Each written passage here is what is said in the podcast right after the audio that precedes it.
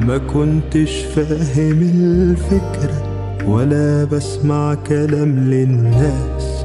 داخلها بصدري مش عارف أهي أيام دايس وخلاص ما كنتش حاسب الخطوة ولا إن الدنيا شايلة آلام. وبنقص كل يوم حتة غريبة قسوة الأيام. ورب كريم قادر يحيي اللي مات فيا. كفاية غيوم وهقدر أقوم ولو طالت ليالي. جوايا رميم ورب كريم قادر يحيي اللي مات فيا. كفاية غيوم وهقدر أقوم ولو طالت ليالي. أول قصة في القرآن بتحكي حياة إبليس اللي اتشقلبت بعد ما كان عبد صالح ظاهره العبادة والتقوى. اتغير من جوه لمجرد رؤيته كائن من الفخار واقف لا يشعر ولا يتحرك لكنه كان في محيط منطقته. الملائكة بصت لهذا الكائن وقالت أكيد موجود لعبرة يعرفها الحكيم. أما إبليس فبص لهذا الكائن بحسرة وقال أكيد عنده نعمة ممكن تهدد وجودي.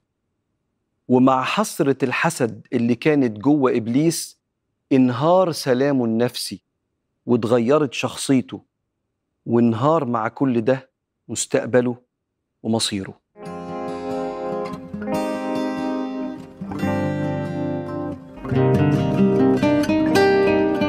مصدر السلام النفسي هو التصالح مع معنى أنه ليس في الإمكان أبدع مما كان. الحالة اللي أنا فيها في حياتي دي خير عايز أكتر بس أنا بخير. عندي تصالح ورضا بالموجود وعندي تصالح ورضا مع المفقود وعندي تصالح ورضا مع المشاعر اللي ربنا رازق الناس بيها. فده متضايق دلوقتي بدعي له قدره وأحاول أساعد. وده فرحان دلوقتي يا بخته تبارك الله ما شاء الله لا قوة إلا بالله ربنا يزيدك يا أخي. لكن لما بيكون في صراعية بسبب إن أنا متضايق من النعمة القليلة اللي عندي وصراعية بسبب إن أنا متضايق من النعمة الكتيرة اللي في إيد واحد تاني وحتى صراعية كمان في رؤية الناس الزعلانة والفرحانة كأن في فوضى في العالم. هذه الفوضى بتدمر السلام النفسي.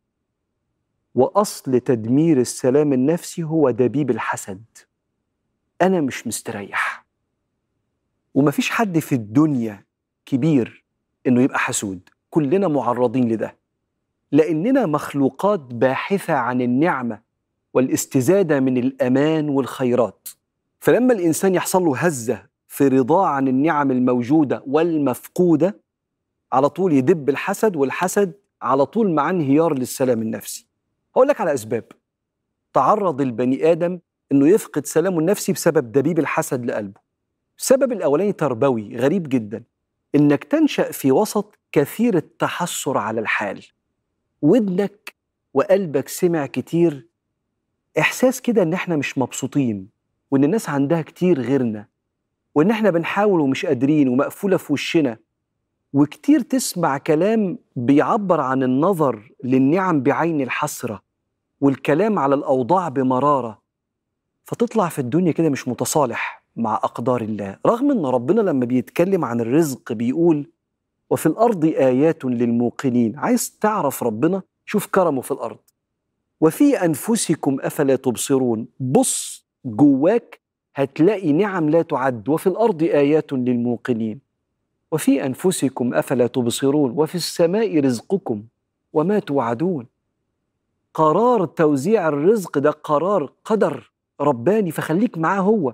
لما كثرة النظر للنعم في أيدي الناس بتخلي الواحد يبقى بيبص للنعمة اللي في دي في حسرة. فلو اتربيت ونشأت في مكان كتير الحسرة على النعم يدب جوه قلبك إن أنت مش مرضي وموضوع الحسد يكبر. حاجة تانية كمان بتكبر فكرة الحسد عموما. في القلب إنك تنشأ في وسط كثير الكلام عن الحسد وإن إحنا محسودين. بيخبي وبيكذب. وكانت مشايخنا تقول لنا ما تقعدوش تنشغلوا بالحسد إن أنتوا محسودين لأن اللي مشغول إنه محسود عنده حتة كبر كده. إن أنا عندي مميز عن الناس فالناس بصالي. فقبل ما تنشغل إنك أنت محسود قول أورادك وأذكارك واطمن لحماية ربنا ليك. من ضمن الأسباب اللي ممكن تخلي الحسد يدب لقلبك ومع دبيب الحسد ينهار السلام النفسي؟ فقدان نعمة أو الفشل في تحقيق إنجاز أقرب الأقربين ليك محققه. فيبقى في حاجة معينة في إيد حد قريب مني ولما بيكون في حد قريب منك بيبقى في معنى دفين كده إن في تنافس. بطمن على حالي من حاله. أكلي زي أكله ولا لأ؟ شربي زي شربه. مستوايا عربيته عياله في مدرسة إيه؟ فلو فقدت حاجة من ما يملكها المقربين يبقى عندي شيء كده من الوجع لأني حسيت إن أنا اتأخرت وهو سبق. وربك يقول في القرآن وكذلك فتنا بعضهم ببعض ليقولوا أهؤلاء من الله عليهم من بيننا؟ أليس الله بأعلم بالشاكرين؟ معنى الآية كده لما ربنا سبحانه وتعالى يديك نعمة ويدي فلان نعمة تانية. فاللي عندك مش عنده واللي عنده مش عندك لأن ربنا اللي بيوزع يبقى رد فعلك إنك تقول أهؤلاء من الله عليهم من بيننا اشمعنى دول؟ أليس الله بأعلم بالشاكرين؟ ربنا أعلم. مين اللي لما يديله النعمة هيشكرها ومين اللي هيديله النعمة؟ مش هيشكرها فربنا أعلم بالتوزيع. فانشغل بشكر النعمة الموجودة ولا تحزن على النعمة اللي في إيد أخوك اللي بالنسبة لك مفقودة. فكأن الأسباب دي بتخلي كل الناس كلنا وما أبرئ نفسي كل البشر معرضين إن هم يدب الحسد مع قلوبهم ومع دبيب الحسد ينهار على طول السلام النفسي.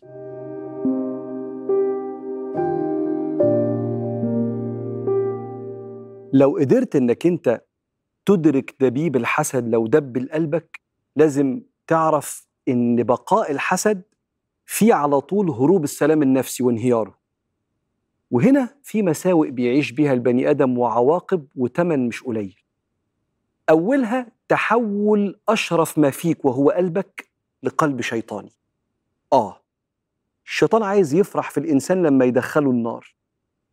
وكل واحد فينا بيفرح في إنسان متصاب أو عنده أزمة إن هو ده الحسد. ما الحسد هو تمني زوال النعمة. مش مبسوط وانت النعمة دي في إيدك. فلما راحت منك أنا حسيت بشيء من السكينة كده إن إحنا بقينا زي بعض. هذا قلب شيطاني. ورابيكا كوناندك أحد الكتاب عندها كتاب اسمه الرذيلة المتلألئة.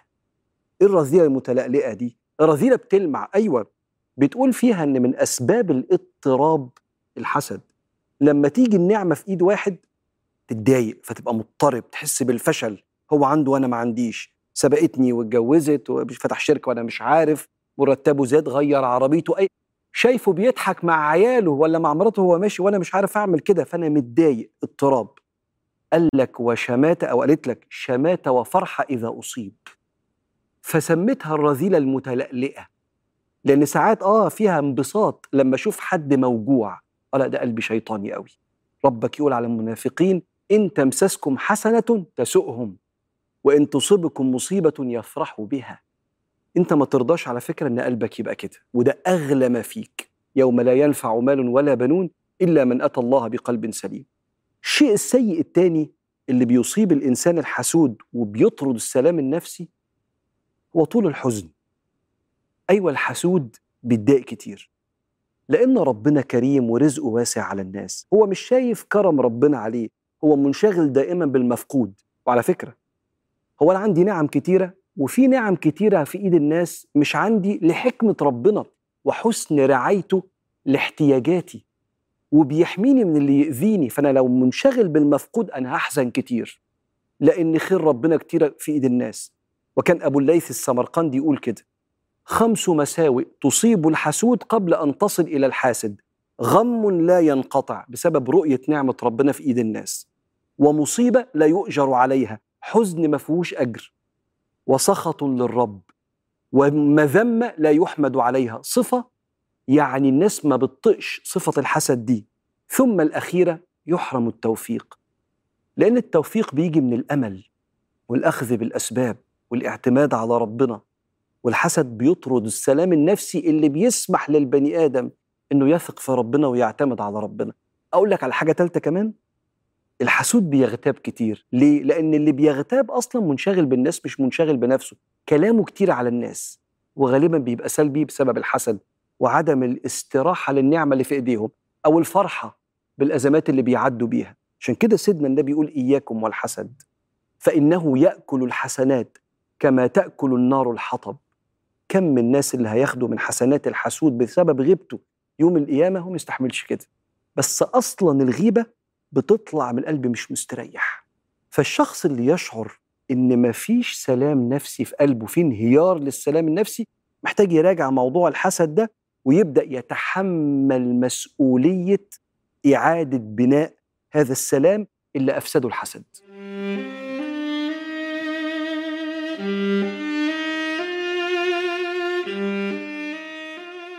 اشمعنى أنا؟ الناس كلها واخدة نصيبها في الحب وفي الصحة وفي المال. وأنا عايش بشكي في ضيق الحال ولا عمري قابلت في مرة هنا. بتضايق لما بشوف نفسي محتاج أشياء مع ناس غيري. إشمعنى الخير في أيادي الغير وأنا فرح يومين والحزن سنة؟ بنزل وببص لخلق الله وألاقيهم عايشين زي الفل. ماشيين الفرحة في تفاصيلهم وأنا بس حزين عن دون الكل. من بين سبعة مليار إنسان أنا بس لوحدي اللي اتبهدلت مش حابب أشوف ناس مبسوطة وأنا عايش قهر وفقر وذل مش عاوز حد يشوف الخير لو كان الخير مش ويايا. وإن شفت في إيد واحد حاجة بدعي إنها تبقى معايا. مريت بمواقف وبلاوي خلتني محبش حد يعيش ما ببصش على النص المليان أنا عايز كل الكوباية. دايما في شيء ناقص فيا جوايا حروب محتاجة سلام وبحس إن أنا وحدي المظلوم والباقي سعيد وحياته تمام. ما بشوفش النعمة اللي في إيدي وشايفها قليلة عن المفروض وبقيت ما أتمناش الفرحة للناس وبعاتب في الأيام. وبقيت منبوس خايفين مني ومن عيني الحسادة لغيري وعايشها بقلب تقيل مكروه مش راضي وناقم على الأيام. محتاج تهدى. وتفهم وتشوف إن الأرزاق مظبوطة تمام؟ ربك خلقك بنعم ياما وأولهم كان دين الإسلام. ما تبصش على اللي في إيد غيرك فالنعمة تزول منك وتضيع. اتعلم تشكر فضل الله كل لما تقوم أو لما تنام. لا تنقم على نعمة ربك فتزول وتعيط بعديها. لو بس تركز في الموجود هتلاقي نعم لن تحصيها. بتقف على رجلك وبتمشي وتشوف وبتسمع وبتاكل. احمد ربنا واشكر فضله على النعم اللي معاك ونسيها. هتلاقي البال ارتاح على طول وبدأت تحس إنك راضي وتركز في النص المليان ولا تشغل بالك بالفاضي. كل ما يزيد حمدك لله هيزيدك بركة ورزق وفرح. الحاسد دايما قلبه تقيل وبيجري ويحقد على الفاضي. دايما قولها في كل الأزمات وفي كل ما قلبك يتألم. اللهم الشكر إليك على كل الحاضر والماضي. وعجبي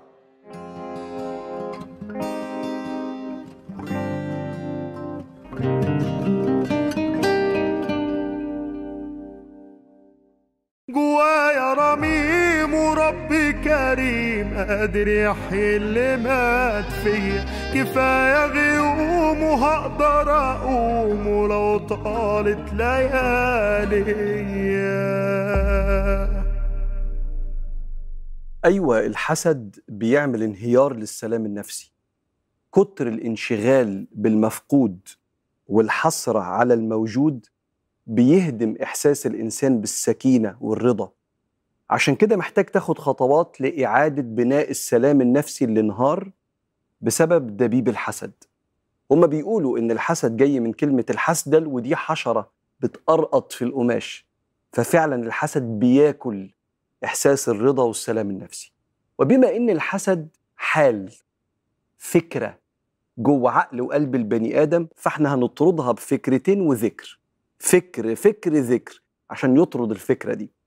الفكرة الأولانية هي رجوعك للعدم العدم هو الزمن اللي كان ربنا لوحده ثم أراد إنه يخلق البني آدمين ويخلق الكون ويوزع الأرزاق على كل واحد فيهم.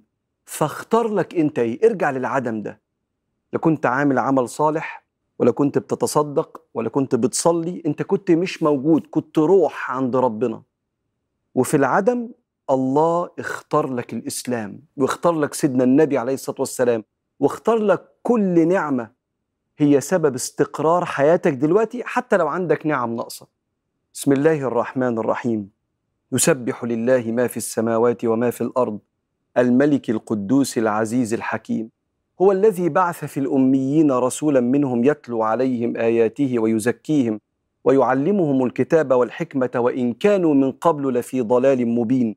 نعمة بعثة النبي عليه الصلاة والسلام وأنت من أتباع النبي عليه الصلاة والسلام من غير ما نعمل أي حاجة. هدية من ربنا. وآخرين منهم لما يلحقوا بهم وهو العزيز الحكيم. اسمع ذلك فضل الله. يؤتيه من يشاء. والله ذو الفضل العظيم. ربنا يقول والله أخرجكم من بطون أمهاتكم لا تعلمون شيئا. مصريين يقول لك نازل لحمه حمراء ما عندكش أي قوة ولا أي إرادة. فربك يقول لا تعلمون شيئا.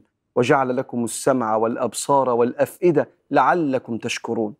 وكان أحد السلف يفكرنا بمعنى أنت محتاجه. يقول نعمة الله فيما صرف عنا أكثر من نعمته فيما صرف إلينا. الحاجات اللي ربنا شالها عنا نعمة أكتر بكتير من الحاجات اللي اداها لنا إن الله لا يمنع عبده من الدنيا كما تمنعون مريضكم من الطعام والشراب خوفا عليه. ارجع للحال ده. ما منعت عنه ده بإذن وفضل ربنا مش مناسب ليك ونعمة. فارجع. وما أعطيت ده أصلا فضل من ربنا سبحانه وتعالى من غير ما نعمل أي حاجة. على رأسها نعمة الإسلام ونعمة النبي عليه الصلاة والسلام.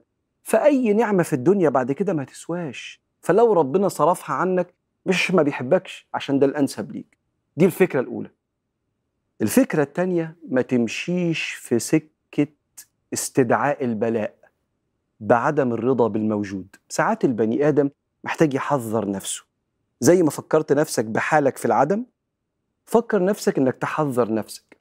إنك لو مش قابل هدايا ربنا هذا الحال اللي ممكن يجر لك بعض السخط ممكن يتسبب في سلب النعم اللي أصلا سبب في استقرار حياتك دلوقتي. أنت دلوقتي في بعض الحاجات اللي مش عندك. مش راضي عن مدارس عيالك ولا تليفونك اللي في إيديك ولا عربيتك عندك ولا ما عندكش عربية ولا منطقة سكنك ولا القرش اللي في جيبك. اجتهد واسعى. بس عدم الرضا ده رغم إن في ناس كتير في الدنيا آخر أحلام حياتهم يبقوا زيك. ناس كتير. بس إحنا ما خدناش بالنا من حديث النبي عليه الصلاة والسلام يوم ما قال انظروا لمن هو أسفل منكم. في بعض الأوقات بتحتاج النصيحة دي. ولا تنظروا لمن هو أعلى منكم. ذلك أجدر الا تزدروا نعمة الله. عشان ما تزدريش نعمة ربنا. في وقت من الأوقات يبقى فكر نفسك إن في ناس ما تحلمش باللي في إيديك. عشان ما تبقاش ماشي في سكة استدعاء البلاء بفقدان الموجود عندك. فكرت نفسك بالعدم حذرت نفسك إنك ما تمشيش في سكة البلاء نقص الذكر. فكر فكر ذكر. ما لا يطرد بالفكر يطرد بالذكر. هنطرد الحسد بالذكر. أنهي ذكر؟ أذكار الحمد اللي النبي كان مواظب عليها. لما كان ياكل الحمد لله الذي أطعمنا وسقانا وجعلنا مسلمين. لما كان يلبس الحمد لله الذي كساني هذا ورزقني من غير حول مني ولا قوة. لما كان يطلع من الخلاء الحمد لله الذي أذاقني لذته وأذهب عني أذاه. ولما كان يخش ينام الحمد لله الذي أطعمنا وسقانا وكفانا وآوانا فكم ممن لا كافي له ولا مأوى. فكر نفسك أنك في رغد العيش وفي ستر ربنا. مادام بتتنفس وعارف تبلع وأعضاء جسمك شغالة أنت بخير واللي مش عندك اختيار ربنا. بهذه الفكرة العدم بهذه الفكرة أنك تحذر نفسك من السير في طريق البلاء بأذكار الحمد إن شاء الله. تعيد بناء سلامك النفسي اللي انهار بسبب دبيب الحسد.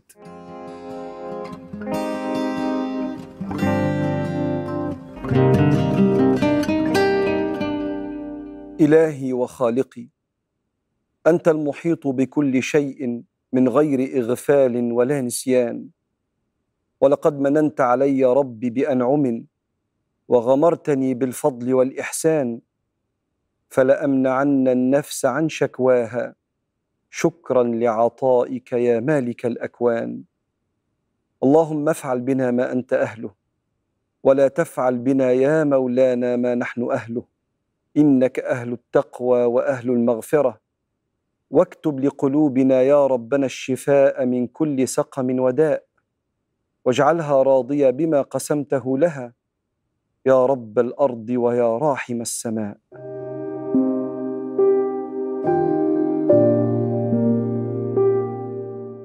لو تعافيت من دبيب الحسد للقلب وأعدت بناء الرميم رميمك هو سلامك النفسي اللي انهار بسبب الحسد.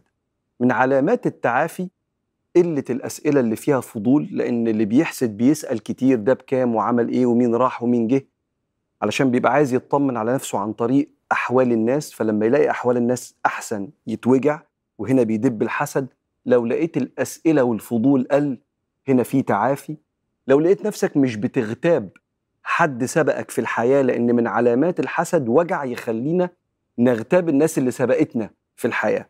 لو لقيت نفسك كده الحمد لله في تعافي. ولو تعافيت هيحصل لك حاجتين كبار قوي حاجة الأولانية راحة البال والسكينة اللي إحنا بنسميها الرضا. أنت عارف علماء النفس بيقولوا إن ممارسة الامتنان تقلل إفراز هرمون التوتر.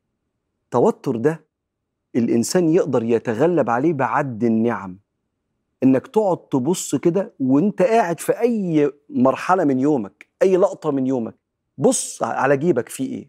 تلاقي مفتاح بيتك اللي ربنا سترك بيه ولو أنت عندك عربية حتى لو مش عاجباك أهي بتنقلك ولو ما عندكش عربية عندك قرش ينقلك في ميكروباص ولا أتوبيس وهتبص هتلاقي قرش يكفيك النهارده بص كل واحد ادرى بجيوبه بس.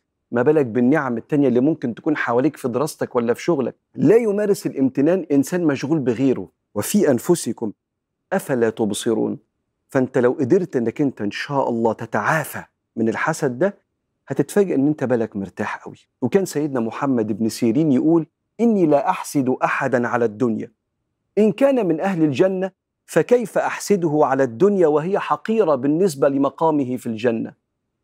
وإن كان من أهل النار فعلى ما أحسده من الدنيا. أحسده على الدنيا ليه؟ لو من أهل الجنة يبقى أنا بحسده على أقل نعمة عنده وهو عنده النعمة الكبيرة من أهل الجنة.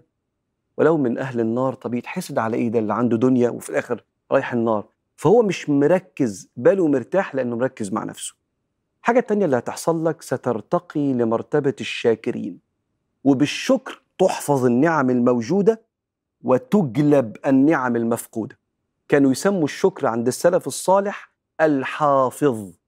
ويسمونه الجالب الحافظ للنعم الموجودة والجالب للنعم المفقودة. ده كلام سيدنا الحسن البصري. ولما الشيطان قال ولا تجد أكثرهم شاكرين ربنا قال له إن عبادي ليس لك عليهم سلطان لا هيعرفوني ويعرفوا نعمتي ويشكروني. والشاكر ربنا بيزوده واللي ما بيشكرش بيهدد نعمته بإن هي تفنى من إيديه. فهترتقي لمرتبة الشاكرين ويا بختك في النعم الزيادة اللي هتقابلها فيما تبقى من عمرك. وبكده يبقى عملت لنفسك أكبر خدمة في إنك أنت تعيد بناء سلامك النفسي بعد ما انهار بسبب دبيب الحسد. ووسط الكسرة والدنيا بكون ظالم واكون مظلوم. وحلمي يضيق كده في ثانية وكله بيرمي فيا هموم وأنا مش قابل إني أضيع في أحزاني ونفسي أبيع. عداوي جراحي مهما تكون ولا أكسر في قلبي واهون جوايا رميم وربي كريم. قادر يحيي اللي مات فيا. كفاية غيوم وهقدر اقوم ولو طالت ليالي. جوايا رميم وربي كريم قادر يحيي اللي مات فيا كفاية غيوم وهقدر اقوم ولو طالت ليالي. ولا ملم نفسي بالوحدة تكون روحي خلاص أهدى.